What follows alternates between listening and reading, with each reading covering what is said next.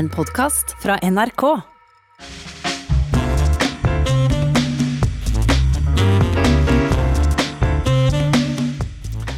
Storsatsinga Atlantic Crossing er nå sluppet løs på eh, både et norsk og internasjonalt publikum. Serien forteller historier om kronprinsesse Märtha og de tre kronprinsbarnas flukt til USA i 1940, det fem år lange oppholdet med base på Pook Hill utenfor Washington, og ikke minst den norske kronprinsessas nære vennskap med president Franklin D. Roosevelt. Men hvor mye av det vi får se i Atlantic Crossing har rot i den historiske virkeligheten, og hva gjør det med vårt syn på historia, eh, om det er dramatiseringene eh, som tegner bildet vårt av det som eh, hender. Og velkommen til deg, Inger Merite Hobbelstad, kommentator i Dagbladet og forfatter av biografien over dronning Elisabeth. Dette er jo en høydramatisk historie. Det er ikke noe rart at man vil uh, fortelle denne på uh, en TV-serie. Uh, og så er det en, alltid en fare, tenker jeg, i å fortelle historier fra andre verdenskrig. Det er veldig, noe som er veldig dragende ved det, og det er noe som er veldig farlig. det dragende er at du har en reell fare. Du har de norske kongelige, du har noe som går på nasjonal ånd og, og samhold. og, og, så det er masse liksom, som er liksom ren sånn ytre dramatikk her. Man kan se for seg at det er farefulle situasjoner, vanskelige dilemmaer osv. Eh, faren er at andre verdenskrig er en av de krigene som i ettertiden har blitt stående eh, som en krig mellom det gode og det onde. Altså Vi er helt enige om sant, at her var det en ond ideologi eh, som var helt nødvendig å nedkjempe. Eh, men det gjør at når du forteller historien om andre verdenskrig, så kan du gjøre det til en veldig enkel historie med helter og skurker. På en måte du vanligvis ikke gjør det med andre, andre kriger. Eh, og det er jo det som jeg tenker at de minst interessante historiene eller filmversjonen eller TV-seriene om andre verdenskrig blir jo litt sånn rene heltehistorier. ikke sant? Eh, altså Du har på en måte tapre, rene, patriotiske eh, nordmenn på den ene siden, og så kommer det på en måte en eller annen sånn blek, sadistisk tysker eh, inn fra høyre og, og, og sprer uhygge rundt seg. Eh, så men det er en balansegang, altså, hvis man skal få dette riktig. Du, eh, historiker og, og forfatter Trond Norén Isaksen, velkommen til deg. Takk. Eh, dramatisering av historier, kan den både være god historieformidling og historisk villedning på samme tid? Det kan det absolutt. Jeg har jo selv skrevet en bok om akkurat dette temaet. 'Kronprinsessens krig'. Den sanne historien om kronprinsesse Märtha og Franklin de Roosevelt. Og dette her er jo en historie som har veldig mye, som gjør det til en veldig god historie. Og du kan si at Noe av det som jeg argumenterer for, er jo det at kildene, når man graver dypt nok, viser at kronprinsesse Märtha spilte en viktig politisk, diplomatisk og humanitær rolle i Washington under krigen, ja, som i stor grad har blitt uh, oversett. Men det, si, det, som virker positivt med denne serien, er jo nettopp det at den uh, tydeligvis har til hensikt å vise henne som en aktør, og ikke bare som en kvinne som bare var til pynt, slik hun har blitt framstilt i andre sammenhenger. Ja, Går det an til å si noe om hvor viktig kronprinsesse Norge, nei, unnskyld, kronprinsesse Märtha var for Norges sak eh, eh, i USA under krigsåra? Det gjør det. Eh, jeg har jo gravd meg veldig dypt ned i arkivene fra fem ulike land. men hvis du skal freistgjøre dette i radioformat? Ja, men hvis jeg kan få lov til å fullføre det, så var det jeg skulle si at uh, man finner, når man graver dypt nok, dokumenter som viser nettopp hvordan hun uh, trekker i tråder, hvordan hun spiller en rolle bak kulissene. Et rent eh, konkret eksempel er det at eh, det drar mange norske flyktninger til eh, Sverige. Der blir de sittende fast fordi at man kommer seg ikke over til Storbritannia, fordi Norge har ikke fly til å transportere dem. Og Ambassadør Morgenstjerne får da i oppdrag å prøve å skaffe disse flyene. Han overlater dette oppdraget, framgår det av et brev. Han skriver at dette har jeg overlatt til kronprinsessen, som har tatt det opp med presidenten. Eh, det som kanskje er ukjent for mange, er jo at i 1940 så hadde jo eh, amerikanerne et negativt bilde av Norge. Den berømte journalisten Leland Stove var tilfeldigvis i Oslo 9.4.1940 og så eh, tyskerne marsjerte ned Karl Johan. Og han rapporterte jo hjem til USA om et tafatt folk som bare sto og så på at landet ble okkupert. Dette var på en måte nasjonen som la seg flat. Og det var vel slikt som forma bildet av det okkuperte Norge, og som eh, møtte kronprinsesse Märtha da hun begynte å holde foredrag rundt omkring? Ja, det var jo, altså Hun holdt ikke så mange foredrag. Det var det ambassadør Morgenstjerne uh, satte i gang denne store informasjonskampanjen, hvor han så for seg at hun skulle reise rundt og holde flammende innlegg osv. Kronprinsesse Märtha var ikke komfortabel med å gjøre det, delvis fordi at hun var en person som ikke trivdes så godt i rampelyset, men også pga. den politiske polariseringen i USA. Men altså, hun var en person som i mye større grad spilte en rolle bak kulissene. Hun hadde et enormt nettverk i Washington, og hun engasjerte jo også president Franklin D. Roosevelt til denne informasjonskampanjen, som jo toppet seg i hans eh, berømte Look to Norway-tale i 1942, som jo holdt Norge fram som selve eksempelet på et eh, land som var blitt uforskyldt angrepet, og som ga et større bidrag til kampen enn man kunne forvente. I eh, Atlantic Crossing eh, verker det som om et av hovedsporene er at det utvikler seg et romantisk forhold mellom den norske kronprinsessa og den amerikanske presidenten. Vært slikt for spekulativt, eh, Inger Merete Hobbelstad? Jeg tenker på en måte at de dikter kanskje litt mer enn de har godt av i flere, eh, i flere retninger her. Men her er serieskapere og filmskapere alltid i en litt sånn vanskelig situasjon. da. Eh, for du kan si at når man skal overføre historien om levende mennesker til film, så er man nødt til å gjøre eh, noen forandringer. Altså Man er nødt til å sette konfrontasjoner kanskje litt på spissen. Man er ofte nødt til å slå sammen hovedpersoner, møter osv. Fordi altså, virkeligheten er ofte så spraglete. ikke sant? Den er så full av forskjellige mennesker mennesker eh, og forskjellige samtaler og forskjellige agendaer at det er vanskelig å fortelle det på en helt på en måte begripelig måte eh, hvis man ikke tar seg visse friheter. Eh, men du kan jo si at det er jo nok av eksempler på også filmskapere som har falt for fristelsen til å legge inn litt ekstra melodrama, altså om det er litt en ekstra emosjonell ladning, om det er forhold, romanser, hevnmotiver, altså den, den, typen ting. Og Der er det nok av eksempler på, på for, altså, etterlatte og, og slektninger og venner av de som blir skildret som reagerer eh, på det. da. Eh, og da er det jo selvfølgelig litt lettere når folk er døde eller tilfører, tilhører en kongefamilie som ikke har for vane å ta til motmæle mot eh, den slags. Eh, og jeg tenker at det her, blir litt mye såpeopera. Altså jeg tror serien ville vunnet på å være litt mer, eh, litt mer eh, menneskelig troverdig.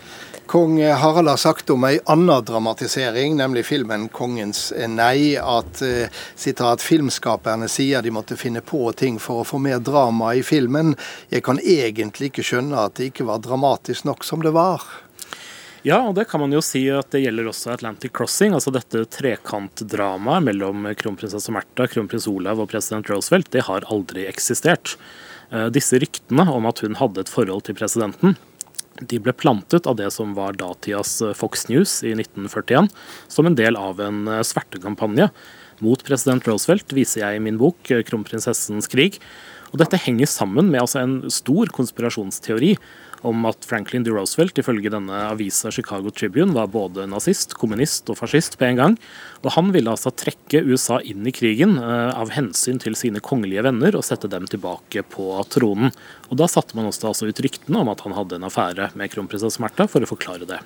Men uh, Inger Merete Hobbestad, koker dette ned til et spørsmål om hvordan vi ser et slikt drama? Om vi ser det som drama, eller om vi ser det som filmatisert historie? Eh, absolutt, og du kan si at jeg syns jo at noen av de beste så, såkalte biopics, eller biografiske filmene som finnes, er litt omtrentlige faktisk med virkeligheten. Altså at Kanskje nettopp fordi de tar seg friheter med virkeligheten, så fungerer de godt som film. Altså, Jeg syns ikke Atlantic Crossing er der, men, men, mange husker sikkert Amadeus, ikke sant? Mm. Eh, filmen om, om, eh, Wolfgang Amadeus Mozart, eh, som jo skaper et sånt veldig rivalisering mellom han og en annen komponist, Salieri. Jeg tror kanskje ikke den historiske Salieri ville vært sånn overlykkelig over portrettet i den filmen. men man man får jo likevel et utrolig kraftfullt, eh, en kraftfull analyse nærmest på film av, av forholdet mellom begavelse og ambisjon, da, og hvordan, hva man gjør når det ikke opptrer eh, i samme person. Eh, men så kan jeg jo legge til her at jeg tenker at alt dette, altså det med Atlantic Crossing, og vi har jo neste sesong av The Crown som kommer snart også, eh, altså for mange så vil det være ekstra dragende nettopp med historier om de kongelige. Fordi de kongelige følger oss på en måte gjennom hele livet. altså I tiår etter tiår så ser vi de kongelige der. Vi følger dem gjennom barnedåp og bryllup, og, og, de går på en måte gjennom de samme ritualene parallelt med oss. da. Eh, samtidig så er det dette at de lever bak dette sløret av, av mystikk. altså At de sjelden selv snakker om privatlivet sitt, hva de tenker og føler. For de skal være nøytrale, ikke sant? de skal kunne representere et helt folk. Eh, og Da jeg skrev boken min om dronning Elisabeth, så var det jo ikke tall på antallet bøker jeg leste som lover deg at her får du den virkelige dronning dronningen, det hemmelige om dronningen, hun har, det hun ikke har fortalt til noen andre. Altså Det der løftet om å få se bak sløret. da, Det er åpenbart at det er et veldig veldig tungt eh, og effektivt eh, salgsargument for mange.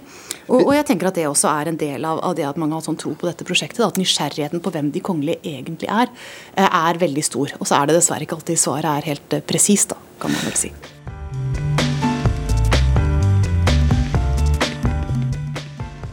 Det er nok dekning for å si at kronprinsesse Märtha og familien var av avgjørende betydning for eh, president Roosevelts syn på Norge, eh, sier kong Harald om denne tida i USA.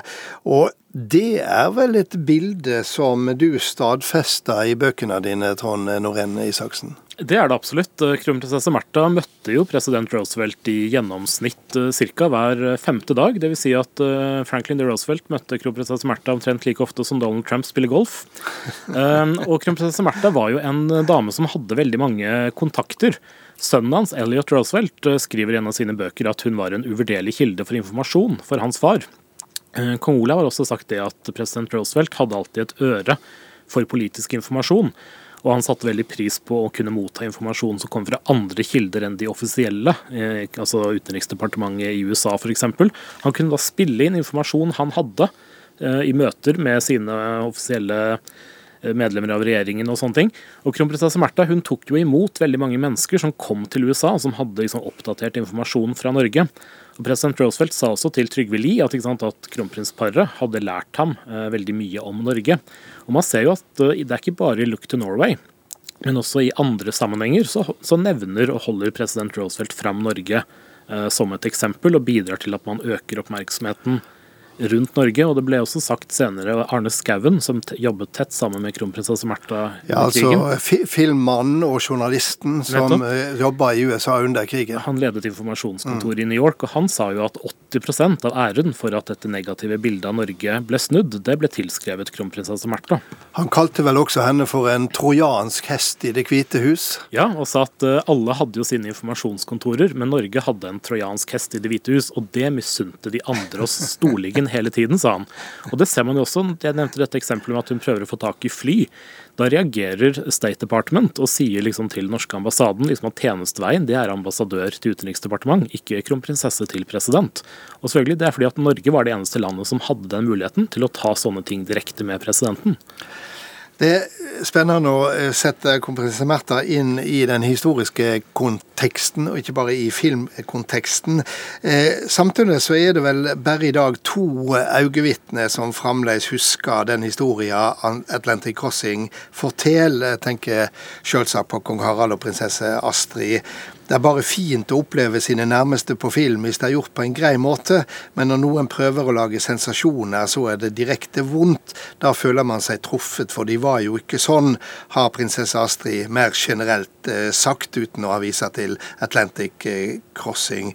Tror du det er vondt å se mor og far sin framstilt som en del av et eh, romantisk trekantdrama, Inger Merete Hørbølstad, eller er det sånn som en i gåseøyne venner seg til eh, når en tilhører en familie som stadig figurerer i offentligheten, både på sanne og usanne premisser? Eh, jeg tror begge deler kan være sant. altså Både at dette er en familie som venner seg til at dette er noe som skjer med jevne mellomrom. Og du kan si ikke bare på film, men også fordi de er vant til en klørt presse da, som, som, spekulerer veldig mye i deres privatliv og hvem som eh, elsker eller hater hvem. Det jo, gjelder jo kanskje kongehuset i andre land enda mer enn det norske eh, kongehuset. Eh, men at det er vanskelig å se på at det kanskje nå eh, fester seg et inntrykk som, som hos veldig mange, da, hos hundretusener av TV-serier, som ikke er i tråd med det man selv føler Eh, var riktig. Altså det, det, kan jo selvfølgelig være veldig vanskelig. Og, og, det er jo folk som har, hva skal jeg si, ikke har den rollen hvor de må holde den typen kritikk tilbake. Da. Mange vil jo huske debatten rundt Kon-Tiki. Eh, der familien til Herman Watzinger reagerte veldig sterkt på måten han ble fremstilt på, og, og, egentlig med god grunn, for dette var jo da en veldig kompetent mann som, som, ble fremstilt som litt sånn panisk og litt dum, fordi de på en måte mer eller mindre trengte en, en rollefigur som, eh, som satte spørsmålstegn ved det de, de andre gjorde. Eh, så det syns jeg ikke er rart i det hele tatt, og det vet man faktisk at selv dronning Elisabeth, altså som vanligvis holder seg på god avstand da, fra eh, skildringgravene selv, som det har vært veldig veldig mange av. Eh, hun ringte vennene, etter, vennene sine etter The Queen, altså den filmen med Helen Mirren som mange sikkert husker, og lurte på hvordan hun var fremstilt, og om dette på en måte var en, en god representasjon av det som hadde skjedd. Og hvor vennene bestemt fikk inntrykk av at hun var litt altså Hun er jo veldig ubekvem å snakke offentlig om sine følelser og, og om hva hun egentlig har tenkt og ment om ting. Og at hun var bekymret for at eh, på en måte verden skulle gå rundt og tro at, at hun hadde tenkt og følt på en annen måte da enn hva hun egentlig, eh, egentlig hadde. Og at på en måte eh, hun skulle bli smeltet sammen med denne tross alt ganske fiktive karakteren i folks hode. Hvis, hvis, vi uh, bruker litt tid på uh, kronprinsesse Märtha igjen og hennes ettermæle. Trond Norén Isaksen har skrevet at det har vært en kraftig undervurdering av hennes innsats i krigsåra. men kan det sies Inge Merete Hobbelstad, at hun slik deler skjebne med andre kvinner, ikke minst i motstandsbevegelsen, som på en måte ble fortrengt etter 1945, mens eh, gutter fikk eh, æra? Ja, altså Dette tenker jeg gjelder eh, kvinner i historien som sådan. Og det ser du at det har vært en del interessante filmprosjekter, altså ikke bare dette i de senere år, som har prøvd å, å rette opp. Eh, altså Mange husker sikkert eh, filmen 'Alle presidentens menn', der, eh, der Robert Redford og, og, Dustin Hoffman spiller journalistene som greide opp med Watergate. Så kom det jo Steven Spielbergs film 'The Post' for noen år siden, der Meryl Streep spilte Catherine Graham, altså eieren av The Washington Post, som spilte en mye mer sentral rolle i, i hvert fall en tidligere avsløring de hadde gjort, og som ikke hadde fått kanskje så mye historisk kred som dette som hun hadde fortjent. da. Og som filmen åpenbart aktivt gikk inn for å rette opp og gå inn i hennes tanker og vurderinger vurderinger i, i de dagene. Kom, eh, så det er noe som film kan gjøre, da, og gjøre veldig fortjenstfullt. Altså det, det tenker jeg er en god ting. da. Eh, kronprinsesse eh, Märtha hun var mor, hun var kvinne, og dessuten var hun i USA, ikke i London. Er det en kombinasjon som har medført at hun ikke har fått den plassen hun fortjener i krigshistoria? Jeg tror det er eh, to årsaker. Den ene er at veldig mye av den innsatsen hun gjorde, skjedde bak kulissene og var så hemmelig at den ikke ble kjent eh, før eh, lenge etter hun var død. Det andre det er nok dessverre det at hun er kvinne. De fleste som har skrevet om dette her, har vært litt eldre mannlige forfattere som har hatt veldig vanskelig for å ta inn over seg at kvinner kunne spille en politisk rolle. Man har ikke kunnet tenke seg noen annen forklaring på at Norges kronprinsesse tilbrakte deler av 248 dager sammen med president Roosevelt, enn at hun hadde et seksuelt forhold til ham. Og vi kan jo si at Hadde det vært kronprins Olav som møtte president Roosevelt i gjennomsnitt hver femte dag, så hadde ikke dette vært en diskusjon engang. Dette handler om at man ikke forstår at kvinner faktisk kan spille en aktiv rolle under krigen, og det er helt riktig en skjebne hun har delt med mange andre kvinner. Tusen takk for at eh, det kom, Inger Merete Hobbelstad og Trond Norén Isaksen, eh, for å kaste perspektiv på det hele. Atlantic Crossing kommer nok fremdeles til å engasjere en god del søndager fremover. Og så runder jeg av med min faste kommentar. Her er denne vekas Stang inn, stang ut. I mi tid kan jeg ikke huske noe valg i et annet land som har engasjert sterkere enn tirsdagens presidentvalg i USA. Det virker som om halve Norge aksler roller som USA-eksperter, og hele Norge dag for dag følger meningsmålinger og utrekninger av sjansene for siger til Donald Trump eller Joe Biden og slik er det nok i mange land verden over. Det har selvsagt å gjøre med den store betydninga USA har for den politiske utviklinga og den internasjonale stemninga. Men det har også å gjøre med at årets presidentvalg er et valg mellom to sterkt motstridende måter å nærme seg politikk på. Ikke minst gjelder det den viktige retoriske delen av politikkens vesen. For aldri har vi hatt en amerikansk statsleder som så flittig har tatt i bruk dumme kallenavn og nedsettende karakteristikker om alle han misliker, eller som begår den frekkhet å sie han imot. Donald Trump har brukt den enormt viktige talerstolen som presidentembetet gjev han, som ei plattform for daglige utskjellinger og fornærmelser. Og til å trekke i tvil, ja, fornekte, heile den delen av virkeligheten han ikke liker. Slik er tirsdagens valg like mye et valg mellom to helt ulike politiske stilarter og kulturer som det er mellom to politiske retninger. Disse fire åra med USAs 45. president har åpna for en mye mer brutal stil som en del av statsstyring og politisk debatt. Og den har vært smittsam. Vi ser det her i Europa, og vi ser det når Tyrkias president nå skjeller ut sin franske kollega for å være bortimot evneveik. Ja, vi ser også enkelte utslag av fenomenet i vår heimlige debatt. Det er som om terskelen for hva som er greit å si om sine politiske motstandere, er dramatisk eh, senka.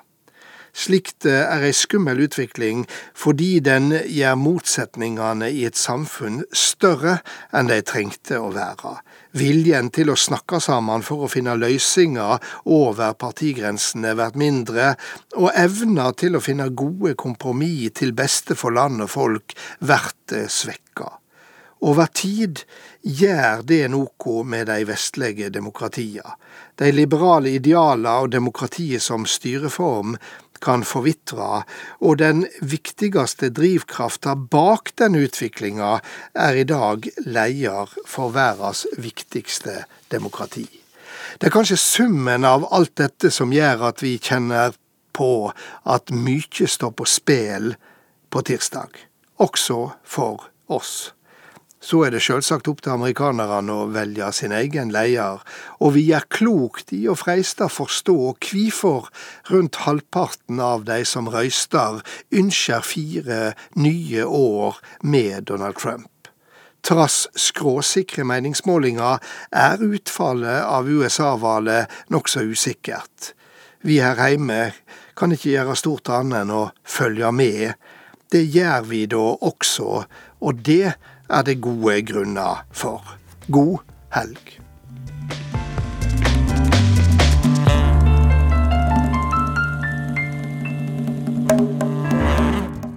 Du har hørt en podkast fra NRK. Hør flere podkaster og din NRK-kanal i appen NRK Radio.